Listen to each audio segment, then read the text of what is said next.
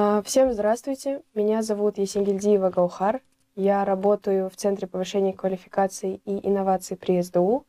И сегодня мы записываем шестой эпизод нашего подкаста. А, эпизод называется «Студенческая жизнь. Инструкция по применению». А, это будет полезно будущим студентам, либо первокурсникам, которые хотели бы узнать, как проходит вообще студенческая жизнь и как полезно ее можно провести. Сегодня в гостях у нас два спикера. А, это Атаханова Малика. А, всем привет, меня зовут Малика. Я являюсь студентом второго курса педагогического факультета, обучаюсь на специальности математика-педагогика. Параллельно являюсь очень активным студентом, а, хедом студенческого клуба Сана IQ. И в целом это все. Да, Сана IQ Club — это популярный клуб в нашем университете. А, и Малика, она является президентом этого клуба. И второй наш сегодняшний спикер — это Нестерова Анастасия. Всем привет! Меня зовут Нестерова Анастасия. Я студентка третьего курса факультета имени э, гуманитарных и педагогических наук. Моя специальность — это два иностранных языка. В моем случае я будущий преподаватель английского языка и французского языка. А, также я участвую во многих конкурсах, и я заняла второе место на Республиканской Олимпиаде. А, мы позвали Настю, потому что она является одной из лучших студенток нашего университета, у нее очень высокий GPA. И чтобы прояснить, GPA — это ваши оценки, которые вы получаете в течение, в течение семестра. А, тогда начнем.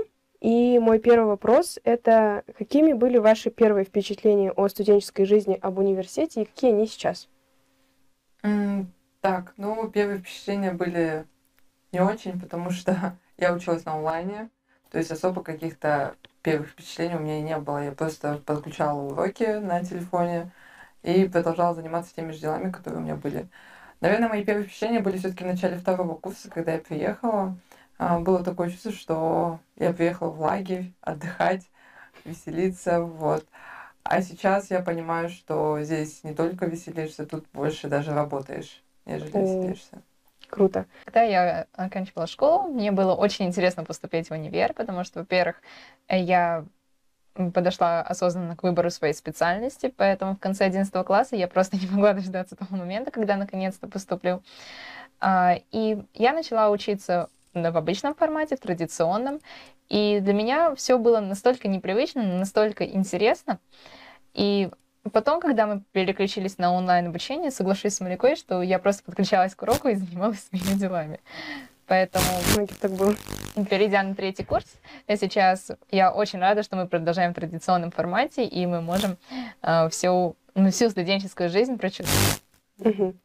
Я тоже, на самом деле, являюсь э, студенткой третьего курса, учусь на специальности химия и биология. И могу также сказать, что начало первого курса, когда мы учились офлайн, оно, конечно, было очень интересным. А, и сейчас мы на третьем курсе, тоже учимся в традиционном формате. А, довольно сложно на самом деле, но все равно это, мне кажется, того стоит. И так, второй вопрос. А почему вы решили учиться именно в СДУ? Нравится ли вам здесь учиться и в чем сила вашего факультета? Um, Мы все, сейчас... кстати, учимся на одном факультете, да, поэтому... А, будет, наверное, смешной ответ, но очень актуальный среди студентов, как я заметила, СДУ. Я поступила сюда только из-за кампуса. Мне понравился красивый кампус, пальмы. Я понимала, что на Назарбаевске я не осилю, а в СДУ очень красивый кампус, и это престижно, когда ты показываешь своим друзьям, что вот это мой университет. Они очень многие в шоке, поэтому мой выбор пал на СДУ только из-за этого. Я ничего не знала фактически по университету. Я знала, там есть моя специальность, и он очень красивый, поэтому я его и выбрала. А, вот. Учиться, ну как сказать, здесь очень сложно учиться. А, наверное, я пере, как сказать, переоценила свои возможности, потому что мои знания английского языка не на достаточном уровне, чтобы обучаться на этом языке, поэтому мне учеба дается сложно. Но я стараюсь, и как-то вытягиваю. В моем случае для меня а, главной возможностью было улучшить знание английского. Несмотря на то, что по окончании школы я владела английским языком на уровне B2 Upper Intermediate, мне хотелось его улучшить.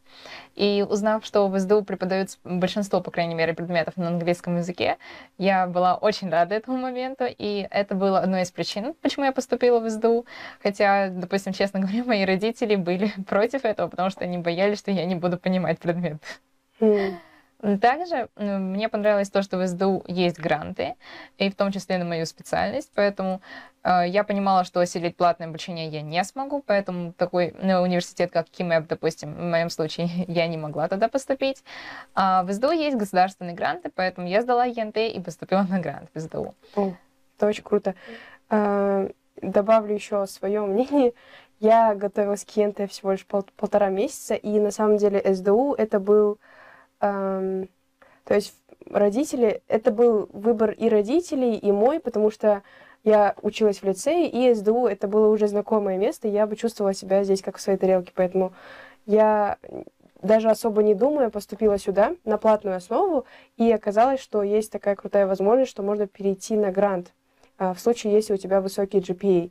Поэтому на втором курсе, это будет полезно, кстати, э, будущим студентам, я перешла на грант, сейчас учусь на государственном гранте. А, и нравится ли мне здесь учиться?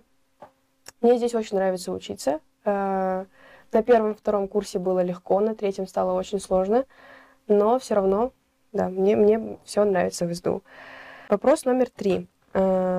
Ну, думаю, мы частично уже на него ответили, но давайте еще раз. Насколько сложно учиться в университете? что для вас было или является самым сложным в обучении в университете. Объясните нашим слушателям, будущим студентам, базовые термины студенческой жизни, как академической, так и социальной. Так, учиться, как я уже сказала, сложно, если у тебя плохие знания в английском языке, и если ты не готов учиться самостоятельно, потому что обучение в школе и обучение в университете это абсолютно две разные вещи. Когда я помню, в школе мне то же самое учителя говорили, а я этого не понимала. Но когда вы сюда придете, вы поймете, что это и правда разные вещи, потому что в школе учителя за тобой бегают, здесь за тобой учителя бегать не будут, ты сам будешь за ними бегать. С этим я согласна. И а, обязательно нужно прокачивать свой английский, так как обучение идет на английском языке. А, это хорошая возможность прокачать его еще больше, когда ты приходишь сюда. Но какие-то базовые знания должны быть, чтобы было не совсем, не, ну вот типа не слишком сложно. А насчет э, слов, которые вы здесь узнаете. Ну вот head, то, что это президент клуба. Что такое маклюбе, узнаете. Чалить, чилить. Чалить — это значит учиться, а чилить — это значит, наоборот, гулять, отдыхать. Да. Это вот базовое, что я узнала. Для меня, наверное, самым сложным моментом была адаптация к вузу, потому что если, ну, как Малика говорила, в школе за вами бегают преподаватели, то в университете это не так. То есть вы должны посещать все лекции, вы должны записывать, писать все конспекты. И да, уровень английского тоже играет важную роль, потому что э, чем больше вы знаете, тем лучше. То есть для меня на первом курсе одним из самых сложных предметов это была политология, потому что она также проходила на английском языке, но политические термины я не знала, поэтому читать неадаптированную книгу мне было сложно. То есть чем больше вы знаете, тем лучше. Mm-hmm. Но также еще на первом курсе было не совсем понятно насчет финалов. Что такое финалы? Финал — это сессия, то есть экзамены, которые вы сдаете в конце семестра. И насчет мидок. Мидтермы, либо мидки, как мы их называем, это экзамены, которые проводятся на седьмой и на пятнадцатой неделе. Они проводятся дважды за семестр. Поэтому первое время было волнение по поводу этих мидок и финалов. Кстати, по поводу финалов, вот, скорее всего, сейчас одиннадцатиклассники волнуются по поводу ЕНТ. Опять же, вам очень часто это говорят, и вы этому не верите. Но вот вы волнуетесь насчет ЕНТ, вы сдадите ЕНТ, а потом вы будете ЕНТ два раза в год сдавать после каждого семестра. По каждому предмету еще. Это будет еще больше сложнее. Финал — это что-то наподобие ЕНТ, также стрессово. Да, еще есть момент, то, что в СДУ списать это вообще очень-очень сложно. В моё... Ну, просто я сама вообще не умею списывать, поэтому я как бы не надеюсь на то, что я как-то могу списать. И у нас везде смотрят учителя, поэтому надо будет прям учиться, мне кажется. Да. А, так, тут давайте я тоже отвечу. А, наверное, вообще самая большая проблема многих студентов, не только СДУшников, вообще всех, это прокрастинация, потому что а, в моем случае многое зависит от работы, которую ты проделываешь в течение семестра, а не в конце. Поэтому у нас многие учителя не обращают внимания на твои задания, которые ты делаешь э, вообще в процессе всего семестра. Поэтому делать все вовремя, не прокрастинировать, не откладывать на потом, вот это, мне кажется, это большая проблема. И для меня это тоже было сложно, потому что я довольно часто прокрастинирую. И по поводу терминов, а, Малика сказала такие термины, как маклюбе, и еще было что-то чалить. Это, да, это слова с турецкого языка. Маклюбе — это блюдо, которое, наверное, все СДУшники пробовали, это турецкое блюдо. А чалить турецкого слова чалышмак, то есть работать. Да, в принципе, термины, ну, мне кажется, остальные можно узнать, как сюда поступишь. Так, вопрос номер четыре. Какой предмет ваш любимый и почему? Mm, так, любимый предмет а, мне нравится физкультура, потому что на нее можно не ходить, и тебе поставят автомат, но тут тоже нужно угадать с преподавателем. А также мне нравилась а, экология на прошлом семестре. А, очень интересный предмет был, и это тот предмет, получается, очень много есть базовые предметы, а есть второстепенные. К сожалению, мы второстепенные в большинстве случаев изучаем онлайн. И вот второстепенный предмет экология мы изучали офлайн. Вот, то есть он не такой сложный, и когда ты учишься офлайн, это уже как-то интереснее слушать, видеть преподавателя и общаться с ним. На мой взгляд, мне нравятся все, наверное, предметы, а, потому что, как я уже говорила ранее, я подходила к выбору специальности осознанно, а, но особенно мне нравятся предметы третьего курса, то есть на первых курсах у нас были общеобразовательные предметы, такие как история Казахстана, социология, то есть в большинстве случаев они даже повторяли то, что было в школе. А, но на третьем курсе предметы сложнее, но с другой стороны они интереснее, потому что они связаны с вашей специальностью. К примеру, у меня есть предмет, это обучение иностранным иностранному языку э, для детей. А, по идее, сложно. С детьми всегда работать сложно, но для меня этот предмет был очень полезным, потому что я наконец-то поняла, как можно решать проблемы с детьми, а, как общаться с их родителями и как доносить материал так, чтобы они вас поняли. А, мои любимые предметы — это на третьем курсе, как Настя до этого сказала, первые два курса — это в основном такие базовые предметы. Их на самом деле проходят во, во многих университетах первые два года обучения. Третий курс — это в основном ваши профильные предметы, поэтому на третьем курсе становится резко очень сложно на самом деле. И мои любимые предметы — это английский. Он мне очень нравился. Вообще, в целом, я люблю английский. Первые два года в СДУ ты учишь английский и турецкий, поэтому вот эти предметы мне нравились. И на третьем курсе мне очень понравился предмет биотехнологии, биохимия — мне нравится как и учитель, так и сам урок. Вот, поэтому это мой любимый предмет. Вопрос номер пятый. Что вы знаете об академической мобильности, чтобы вы посоветовали абитуриентам касательно программ по обмену? А, мы с Анастасией никуда не ездили, а у вас? Я тоже никуда не ездила и не подавалась, к сожалению. А, ну, я, в принципе, могу сказать базовую информацию. Тут опять все-таки все зависит от GPA, от ваших оценок. А, и потом вы на желательно, скорее всего, на втором и третьем курсе вы подаете в разные страны а, по вашему предмету в разные университеты. И тут вам надо будет опять показать свой GPA, там есть определенные критерии. минимумы, да, критерии, mm-hmm. надо будет их пройти. А, я на втором курсе подавала в Корейский университет, а, называется Sukmyong Women's University. В принципе, у меня получилось пройти, они мне написали, но, к сожалению, был карантин, поэтому я не знала, какие могут быть э, проблемы, когда я поеду в Корею, поэтому я как бы тоже никуда не поехала. У меня была такая же проблема, что а, из-за карантина не получилось по большей части, но я знаю, что в СДУ есть много программ для обмена. А, то есть это и Erasmus, когда вы едете в европейские вузы, и а, все ваши расходы берет на себя а, принимающая страна. Также а, есть еще программа обмена от Монарка, то есть а, за вас все оплачивает, то есть и проживание, и перелет, и питание, и страховку, все оплачивает государство. Также вы можете поехать по обмену за свой счет. И в СДУ есть много э, вузов-партнеров, в которые вы можете отправиться. Yeah. И проучиться там от одного до двух семестров. Mm-hmm. Насколько я знаю, можно не только за границу ездить, но внутри. и есть обмены внутри Казахстана, потому да. что у меня подруга сейчас по обмену учится в Кимэпе. У меня тоже вот. училась. Да, мне кажется, вообще в целом это крутая возможность. Э, если за рубеж, то это посмотреть другие страны, их культуру, А если в Казахстане, то посмотреть, как вообще в других вузах учатся. Мгм. Вопрос номер шестой. На что похожа типичная повседневная жизнь студента? Ну вот как вот начинается ваш день, как он проходит? Смотрите, сейчас, когда у нас а, комбинированное обучение, то есть есть и онлайн предметы, и оффлайн, я не знаю, каково это полностью учиться оффлайн, к сожалению. Или, может быть, к счастью, мы даже представить не можем, как это ходить на все уроки. Но на данный момент у нас как э, расписание так построено, что чаще всего оффлайн уроки проходят там два раза в неделю. Допустим, у меня я могу приходить в университет только в среду и в четверг, а в остальные дни у меня все предметы онлайн. А, Но студенты не сидят на месте, и лично я в университете нахожусь 12 часов в день. То есть даже если у меня это даев, нету э, никаких уроков, я прихожу с утра сюда, хожу со своими друзьями, здесь кушаю, решаю вопросы там с клубами, с учебой, там в библиотеку иду, учусь, нахожу на это время. И то есть с утра до вечера я нахожусь в университете. Мне кажется, что типичная жизнь зависит от э, студента самого. То есть я бы выделила три типа студентов. А, Первый тип студентов это которые э, просто посвящают все свое свободное время учебе. То есть они приходят с утра в университет, они посещают все пары. А у меня был шанс учиться полностью в оффлайн режиме на первом курсе. У меня были и лекции, и семинары, все в университете. А, то есть эти э, люди просто приходят, учатся, делают домашние задания и уходят.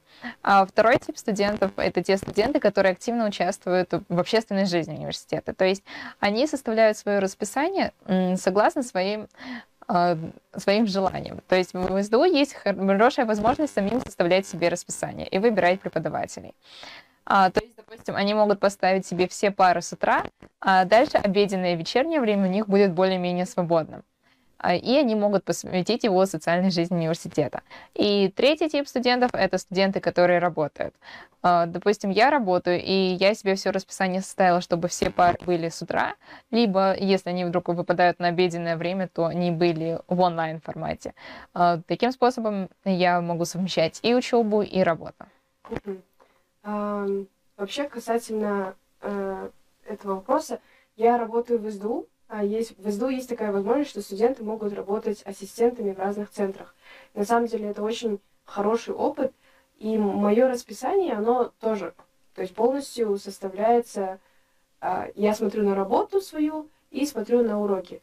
Составляю расписание, вот опираясь на вот эти вот две вещи, и один хороший плюс, то, что ты можешь выйти с работы, выйти с офиса в СДУ, пойти на пару и обратно прийти в офис. Поэтому работать в СДУ и учиться еще параллельно, это на самом деле очень комфортно. А второй, кстати, следующий вопрос, он как раз-таки связан с работой. А может ли студент работать в кампусе или за его пределами, и насколько легко найти работу на неполный рабочий день? Касаемо работы в кампусе, как э, Гаухар сказала, работу можно найти, то есть вы можете работать э, помощником, а, либо вы можете работать в каком-то клубе. Допустим, у нас есть э, клуб по изучению языков, и там некоторые студенты работают. А По поводу работы вне кампуса найти тоже можно. То есть вы можете работать как по специальности, так и не по специальности. Многие студенты сейчас, кстати, работают не по специальности, то есть они совмещают свои хобби и учебу в университете. Ну, почему нет? А потом а, по специальности найти работу тоже реально. То есть я начала работать сразу после окончания первого курса, меня взяли. А, ну, в моем случае на это повлиял высокий GPA, опять же, и хорошее резюме. Также на неполную работу вполне можно устроиться, потому что сейчас многие сферы э, переведены в режим онлайн, и поэтому вы без труда можете совмещать. Но на первом курсе, возможно, это будет сложно, потому что вы еще пока не адаптировались к университету, вы не знаете, что ожидать. Но со второго курса это более чем возможно. М, Да, здесь я согласна. Особенно если вы студент педагогического факультета, вам проще всего найти работу, потому что педагоги не всегда ценятся. А Лично я работаю уже с первого курса, первого семестра. Мне было проще, потому что я а, училась онлайн, и я онлайн собрала себе группу, готовила ребят к КНТ по математике, по своей специальности, то есть с первого семестра я работаю. Потом, когда сюда приехала, ам, я устроилась опять же онлайн преподавателем работать в центр. И это было несложно. На самом деле работу найти легко, особенно если вы преподаватель Да. в будущее. В целом, я бы еще добавила, что э, я не знаю на самом деле как, но у нас э, студенты, которые учатся, именно СДУшники, им почему-то легко найти работу в разных центрах, потому что э, либо СДУ считается престижным университетом, я, я не знаю, что служит причиной, но заметила, что СДУшников на самом деле много куда принимают да. на работу. И я могу сказать по своему опыту, то, что э, у нас есть моя группа, а в моей группе, наверное, 90% уже работают в разных центрах. То есть я учусь на будущего учителя по химии и биологии, и почти вся моя группа, она работает в разных образовательных центрах, таких как Юстади и Альфа-стадии вроде бы. Альфа-стадии. Да, вот. Поэтому, мне кажется, в принципе, тем более сейчас везде почти есть вот этот вот возможно, гибкий график, mm-hmm. что ты можешь работать не полный рабочий день. А, вот, поэтому, мне кажется, еще молодые специалисты, они сейчас в последнее время ценятся, поэтому yeah. найти работу, мне кажется, вообще не сложно. И плюс у нас есть такая интересная черта СДУшников. Я не знаю, ну, в, других университетах также. У нас, как вы знаете, СДУ расшифровывается как самый дружный университет. И mm. когда ты ищешь работу, очень часто бывает так, что твои друзья тебя зовут вместе с собой. Да. То есть с этим тоже очень легко найти работу. Mm. Вы будете со своими друзьями вместе, скорее всего, работать. Также у нас, допустим, когда я устраивалась на работу, как оказалось, у нас несколько человек тоже бывшие выпускники СДУ, поэтому мы друг друга очень понимаем. Да, на самом деле такая тенденция, то, что ты вот куда-то устраиваешься на работу, а там обязательно найдется либо СДУшник, да. либо бывший СДУшник, либо КТЛщик или еще что-то. Угу. Следующий вопрос, где лучше жить во время обучения в университете? То есть у нас на самом деле в СДУ очень много разных студентов. Есть эм, как алматинцы, и в основном, скорее всего, приезжие с разных городов Казахстана, и обычно люди живут либо у нас есть общежитие, очень хорошее, кстати, и а, либо люди живут на съемной квартире. Вот вообще как лучше жить? Жить прямо на кампусе, в кампусе или как вы думаете? Ну, я советую все-таки первый год обязательно всем пожить в общежитии, потому что это самый лучший способ найти а, друзей, то есть mm-hmm. влиться в эту студенческую жизнь.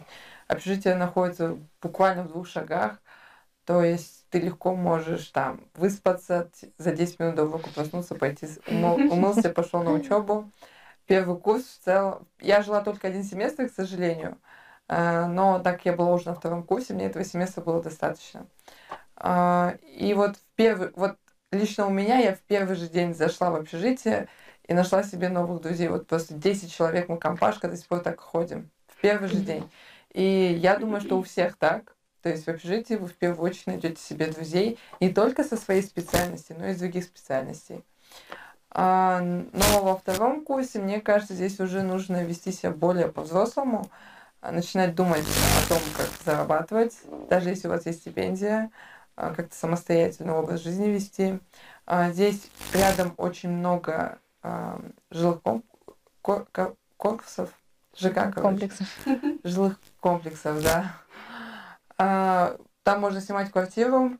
Они недорогие, потому что все, кто их сдают, знают, что в основном их снимают студенты. Тут идти пешком минут 10.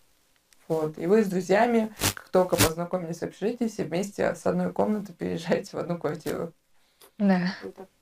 Тоже соглашусь, что первый курс, наверное, лучше пожить в общежитии, чтобы, во-первых, познакомиться, потом вам проще будет даже выполнять домашние задания всем вместе. А на втором курсе дальше вы можете либо снимать квартиру, а, либо э, жить э, в городе, э, потому что из города а, тоже можно довольно-таки быстро добраться. Если вы, допустим, живете где-то в районе Сайрана, то а, там ходят маршрутки, это займет где-то минут 30. Угу. И вообще для тех, кто поступает в СДУ, допустим, школьники, которые вот сейчас будут слушать этот подкаст, и они вот уже определились с вузом и со специальностью и думают поступить в СДУ, СДУ находится за городом. А, в принципе, если нету пробок, то можно доехать до города вот за 25 минут, если да. их нету на самом деле. Но есть такой большой плюс, то что если ты едешь утром с э, города в Каскелен, пробок нету. Если возвращаешься вечером с Каскелена в город, тоже пробок нет, потому что пробки бывают наоборот э, в эти времена.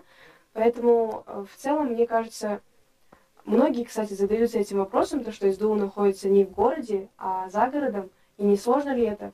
В принципе, нет, потому что сейчас раз, есть разный транспорт. Есть какие такси, есть какие автобусы, поэтому, в принципе, мне кажется, это несложно добираться до университета. Да, то есть вы можете доехать на такси, но это самый, наверное, быстрый вариант. Вы можете доехать также на маршрутке. Маршрутки ходят очень часто, поэтому, ну, сколько вы прождете, это буквально будет 5-7 минут, это максимум. Но чаще всего они ходят с частотой где-то 2-3 минуты. Также можно доехать и на автобусе. То есть вариантов, как добраться до СДУ, масса. Да, да. Но, наверное, все-таки то, что мы находимся за городом, это все-таки проблема. Ну, как я считаю. И многие студенты, думаю, так считают. Это, кстати, единственная проблема СДУ. То, что он находится далеко от города, и большинство людей ленятся ездить с города сюда, потому что если бы пустили хороший автобус, мне кажется, проблем бы не было. То есть вообще тогда было бы все просто, никто бы не, э, скажем так, ругался и тому подобное, да, что так далеко находится. Мгм. А так это все-таки немного доставляет неудобства. Да, в- возможно, да, кстати, я смогу с этим, в принципе, согласиться, потому что, мы, потому что в моем случае я живу тоже за городом, мы переехали, поэтому мне на самом деле удобно жить в Каскелене и учиться в Каскелене. Но те, которые в городе, они часто на самом деле об этом говорят. Но а, мне кажется, это окупается видом, потому что у нас в университете, вот ты выйдешь с кампуса и прям четко видно горы, они будто бы вот буквально там побежишь и горы. Вот поэтому, мне кажется, это того стоит. Это выглядит красиво. Да. Окей, следующий вопрос. А, какое место в нашем кампусе вам нравится больше всего? А, у нас сейчас очень и очень красивая библиотека, но, к сожалению, я ей не часто пользуюсь, но я знаю, что она очень красивая и уютная. А я чаще всего бываю в SH. Это кабинет для координаторов клубов, то есть руководителей хедов. А, Там очень часто тусят активисты СДУшники, потому что всю работу мы выполняем там, все хранится там. И наш любимый редкантин а, это кантин, где мы кушаем, разговариваем. У нас в редкантине есть очень красивый летник. Конечно, он очень рано закрывается, и там очень мало места, но это того стоит, чтобы постоять в очереди, чтобы занять себе столик и посидеть там час, попить кофе, поболтать с друзьями. Вот. Мое, наверное, любимое место это тоже кантин. У нас, кстати, в СДУ есть несколько кантинов. Кантин это как столовая, то есть а, где поесть вы точно найдете место. Также у нас есть кофейня. А, да, я часто бываю в кофейне. И библиотека. В библиотеке можно посидеть. Может, если у вас э, вам не нужно отвечать во время пары, можно и пару там посидеть онлайн. В целом, вот это два моих любимых места. Это кофейня и библиотека. Библиотека была построена сравнительно недавно, поэтому ремонт все очень красивое и новое, и это мотивирует меня лично научиться. Мгм. Я, кстати, мне тоже очень нравится, как э, наша библиотека сейчас обустроена. Я хочу чаще ею пользоваться, но так как я работаю, я очень редко ею пользуюсь, но мне бы хотелось бы там бывать чаще, на самом деле. Мое любимое место — это, скорее всего, мой офис, потому что это, это место, куда я могу, в принципе, там и отдохнуть, и поработать, и уроки получить. Оно находится вот прям в центре СДУ, поэтому, поэтому мое место — это, это мой офис, любимое место. Следующий вопрос. Как вступить в студенческие клубы? Каких клубах вы состоите и какой вам нравится больше всего? Чем полезно быть частью студенческого клуба и чем вообще занимаются участники таких клубов? М, Так, а, у нас есть очень много студенческих клубов. На данный момент их около 25, но это только официальные. А Есть еще неофициальные клубы, которые только-только открываются. И все эти клубы, они максимально разные. То есть у нас есть клубы для тех, кто любит петь, кто любит танцевать, кто любит играть настольные игры. Э, Наш клуб, он занимается именно интеллектуальными играми и квизами всевозможными. Есть клуб для организаторов, есть клуб для похода в горы. То есть выбор очень большой, но большинство клубов принимают только после кастинга. То есть два раза в год, в начале каждого семестра, у нас в университете проходит Fest, то есть по-другому ярмарка клубов, где вы можете ознакомиться с каждым клубом поближе, узнать побольше, записаться на кастинг. Через несколько дней после ярмарки вас пригла- приглашают на кастинг, вы его проходите, и если вы понравились, старичкам, организаторам и так далее, главу клуба, то вас принимают. Но это не во всех клубах, да? Кастинг э, проходит примерно в 50% клубов. Остальных 50% вас просто берут, если вы хотите. А, вот. Как помогает клубы в жизни?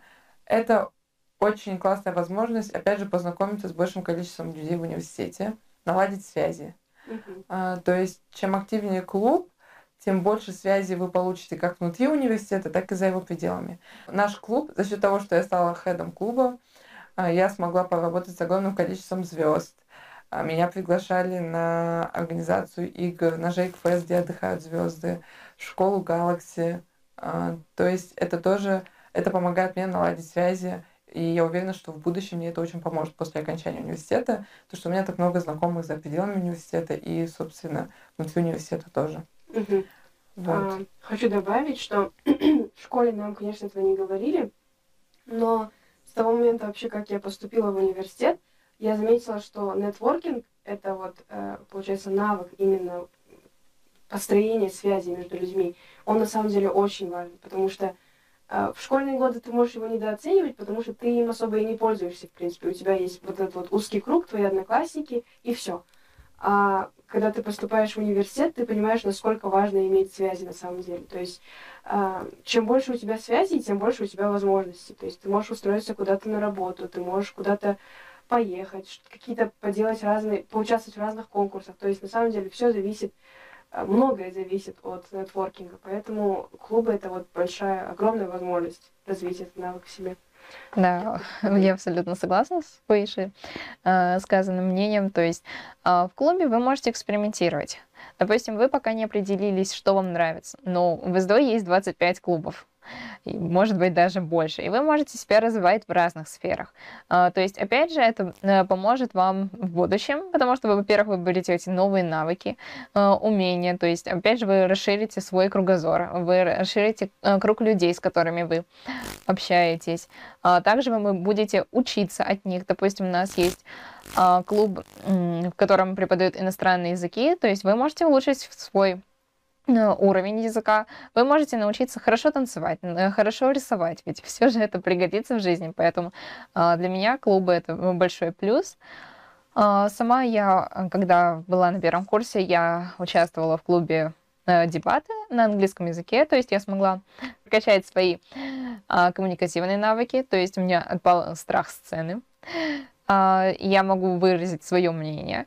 Также я, в принципе, всем рекомендую записываться в клубы, даже если у вас не получится, ничего страшного. Да, я в клубах была на первом и втором курсе. Опять, опять-таки на это повлиял карантин, потому что из-за онлайн-формата было очень сложно поддерживать связь с этими людьми, и ну, было очень мало разных мероприятий, потому что все в разных городах Казахстана, поэтому...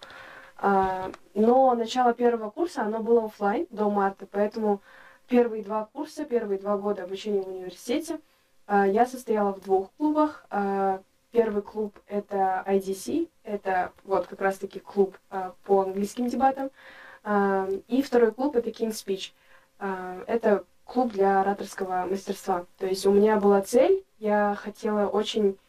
Ну, я хотела научиться не бояться выступать перед э, большим количеством людей, поэтому я записалась в эти два клуба, по поводу английского клуб, дебатного клуба могу сказать то, что на самом деле очень важно а, знать а, много, чтобы у тебя был а, большой, обширный кругозор. То есть ты не только должен знать свой предмет, ты должен в целом уметь разбираться в разных вещах. Поэтому вот именно этот клуб, а, он мне очень сильно помог узнать много в целом информации о и, и в политике, и в мире в целом, и в экономике. То есть ты развиваешься и в других направлениях, не только в своей профессии. Поэтому этот клуб помог мне именно с этим. А второй клуб King's Speech э, это вот как раз-таки ораторское искусство. У нас были очень масса, получается, разных всяких мероприятий, занятий, где мы смогли, мне кажется, научиться э, вот так вот свободно говорить на публику, не бояться вот, поэтому, в принципе, клубы это очень полезная вещь на самом деле. Следующий вопрос. Эм, что такое GPA? Мы раньше сказали уже ранее то, что это ваши оценки. То есть, если это получается как... Эм, средний балл. Да, средний балл по ваш. Предметам. За, по всем предметам. А, теперь вопрос, как все время поддерживать высокий GPA и насколько важен GPA? А, так, ну чтобы поддерживать высокий GPA, как минимум нужно учиться по всем предметам. То есть, если у вас семестре 7 предметов, и вы учите 6 предметов, а на седьмой, так скажем, забили, он у вас вышел плохо, то у вас и GPA испортится вот по полной программе, поэтому вы должны поддерживать все предметы на одном уровне. А, делать домашние задания, сдавать митки, экзамены полностью и вовремя. Потому что если вы э, сдаете работу не в срок, то вам снижают за это балл. Мгм. А, вот. Э, Поддерживать хороший GPA на самом деле сложно. Мало у кого это получается. А, Тем более но- в СДУ. да. Но это в целом возможно. Просто нужно учиться. Выделять а, каждый день как минимум 3 часа на учебу. Да. И опять же, если вы хотите иметь э, хороший GPA, вы должны заниматься самообразованием. То есть не всегда достаточно того, что вам дадут на лекции, то есть вы можете что-то не понять. И а, в этом случае вы можете сами найти нужную информацию, либо вы можете обратиться к вашему преподавателю. А, то есть, допустим, у нас с этого года, с третьего курса, преподаватели организовывают office hours. А Office hours — это когда вы можете прийти к преподавателю, записавшись в определенное время, и задать ему любой вопрос касаемый его предмета, и он вам объяснит. То есть для меня это большая э, возможность э, улучшить то, что я, допустим, не поняла какие-то моменты, либо то, что я стесняюсь спросить на уроке. Мгм. А, В целом хочу добавить то, что а, вот в школе, если достаточно было просто посидеть на уроке, послушать, как учитель тебе объяснит тему, и, в принципе, дальше ты все можешь сам сделать, ну, дальше сам решить задачи, сам решить какие-то вопросы, то в университете вот только лекции тебе точно не хватит, потому что тебе надо будет еще немного самой а, поискать информацию в интернете, либо учителя обычно в начале семестра а, отправляют все книги в электронном варианте, оттуда что-то вычитывать. Э, Вообще в английском слове, ну, в английском языке есть термин self-study, то есть самообучение, как э, раньше сказали. И на самом деле это очень важно, потому что вот одних лекций э, не хватит. То есть надо будет еще параллельно самому как-то развиваться. И хочу добавить момент, что многие обычно, когда поступают в университет, если вы на гранте, то вы то вам кажется, что если вы сохранили грант, ой, извините, сохранили стипендию, то, в принципе, вы нормально учитесь, да? Главное, чтобы была стипендия. На самом деле, потом, э, когда ты уже на третьем, четвертом курсе, и тебе предлагают разные варианты работы или обучения за рубежом, ты понимаешь, что GPA это очень важно. То есть тебе надо хорошо учиться с самого начала. Вообще первые два года надо пользоваться тем, что учеба достаточно легкая, и поднять свой GPA, потому что на третьем, четвертом будет сложнее. Поэтому э, мне кажется, чтобы у тебя было больше возможностей, чтобы ты смог куда-то поехать или где-то работать. А, есть еще такие разные, ну, разные возможности, бета-карьера, эду-карьер, поэтому а, надо поддерживать GPA. На самом деле это очень важно. Да, потому что вы элементарно не сможете подать на ту же бета-карьеру, либо эду-карьеру из-за вашего GPA. То есть ваш минимальный GPA должен быть 3,5. Мгм. И в СДУ есть еще такой большой плюс, то, что каждый год, мне кажется, а, проводится очень много разных... а, Есть много привилегий для студентов, которые имеют высокий GPA. А, Могу сказать, что на первом, втором курсе у меня был достаточно высокий GPA, сейчас не так, мне кажется. Вот. Первые два курса у нас была такая программа, называлась ТОП-10. Это были э, 10, ну, 10 человек, у которых высокий GPA, и каждую неделю им устраивались разные мероприятия. Поэтому в целом учиться хорошо это, это выгодно в обоих случаях. Да. Следующий вопрос, мне кажется, это предпоследний. А, Как успевать и учиться, и вести активную жизнь? Активную студенческую жизнь. На самом деле это сложно. М, Мне нравится, как вы все по факту говорите. Да, это сложно и фактически нереально. Я на данный момент не знаю ни одного хеда клуба, у которого хорошо пошла учеба. А, вот, мы иногда с ними... и- ну, я пока что не вхожу в этот состав, но кажется, скоро войду. Но я иногда слышу, как они мерятся, у кого больше ретейков, там, у кого ниже GPA. Надо будет ретейк объяснить, что такое. Да. И получается, что вы, наверное, знаете такую вещь, как расписывать свой день, расписание. Вот в два я пойду учиться до трех, а в три я пойду там для клуба поработаю. Вот это не работает. сколько не пытайтесь, это не работает. Максимум 3-4 дня поработает, или из сотни людей только у одного э, получается вести это расписание. Вот. А, но если вы хотите быть активным в студенческой жизни и при этом хорошо учиться, то не стоит брать на себя слишком много студенческой жизни. То есть вы берете на себя какую-то обязанность небольшую, при этом вы достаточно активны, будете считаться активным в клубе, потому что вы что-то делаете. И э, эта работа не такая сложная, вы ее успеваете делать. То есть вы должны трезво оценивать свои возможности. Если я хочу успевать с учебой, то слишком много работы в клубе мне не стоит брать. Вот. Ну, ам, тут я могу чуть-чуть не согласиться, потому что у меня есть знакомые, которые занимаются, которые являются министрами факультета, параллельно где-то работают, еще параллельно учатся. Тут, скорее всего, а, у меня, кстати, могу сказать, что в первые годы, ну, в первый год или в первый семестр мой, когда я начала и работать, и учиться, было очень сложно. То есть, на самом деле, это очень сложно совмещать, быть, стараться участвовать в разных клубах, плюс хорошо учиться, плюс еще работать это у тебя все должно быть расписано вот поминутно. Но в целом, если у вас крепкий стержень внутри, который вот будет, ну, то есть если у вас вообще есть сила воли, где вы можете сказать, вот, Гаухар, соберись, вот здесь все, нет, ты дальше не можешь, дальше у тебя время для учебы, сейчас у тебя время для урока, для работы, то, в принципе, это возможно. То есть это в целом надо уметь четко расписывать. Вот сегодня я сделаю вот это. Раньше, допустим, я ничего не расписывала. То есть я, у меня в голове это все держалось. То есть я знаю, что в два у меня лекция, э, в три у меня семинар, и ну, в четыре мне надо быть на работе. То есть я все держу в голове. Но на самом деле это сложно. Надо, оказывается, и вправду сесть день до, записать, что у тебя будет на следующий день. И вот четко по этому плану ходить. То есть все на самом деле, все зависит от вас. Как вы будете себя держать, если... В принципе, можно успеть все, мне кажется. Да, я абсолютно согласна. Я, скажу честно, я не составляю никакие а, планы, ну, в плане я их не записываю. А, то есть в голове я держу какие-то определенные моменты, которые я должна делать каждый день. А, Но, опять же, я социальную жизнь университета не совсем совмещаю, потому что в основном я занимаюсь работой и учебой.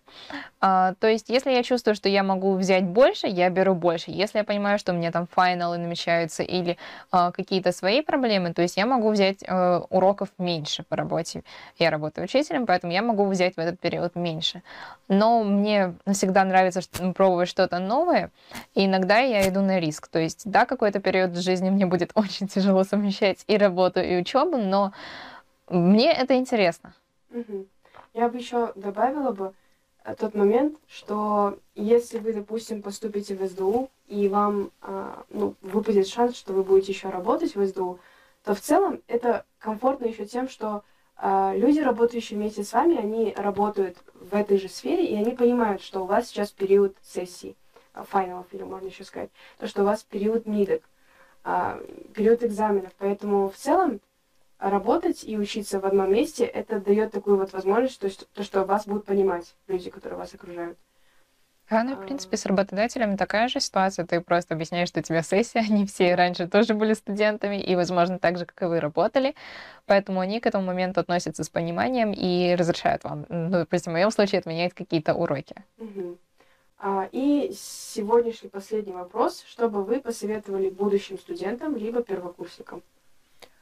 А будущим студентам советую изучать английский, а, обязательно вести активную социальную жизнь, стараться совмещать, а, но при этом никогда не забивать на учебу.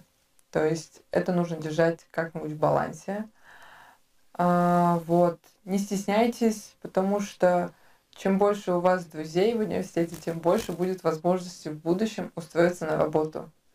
Вас обязательно эти друзья потянут за собой, и таким образом вы многого можете добиться в жизни. А все эти люди это в будущем а, на 90% успешные люди. Э, И лучше с такими держать хорошие связи. Мгм.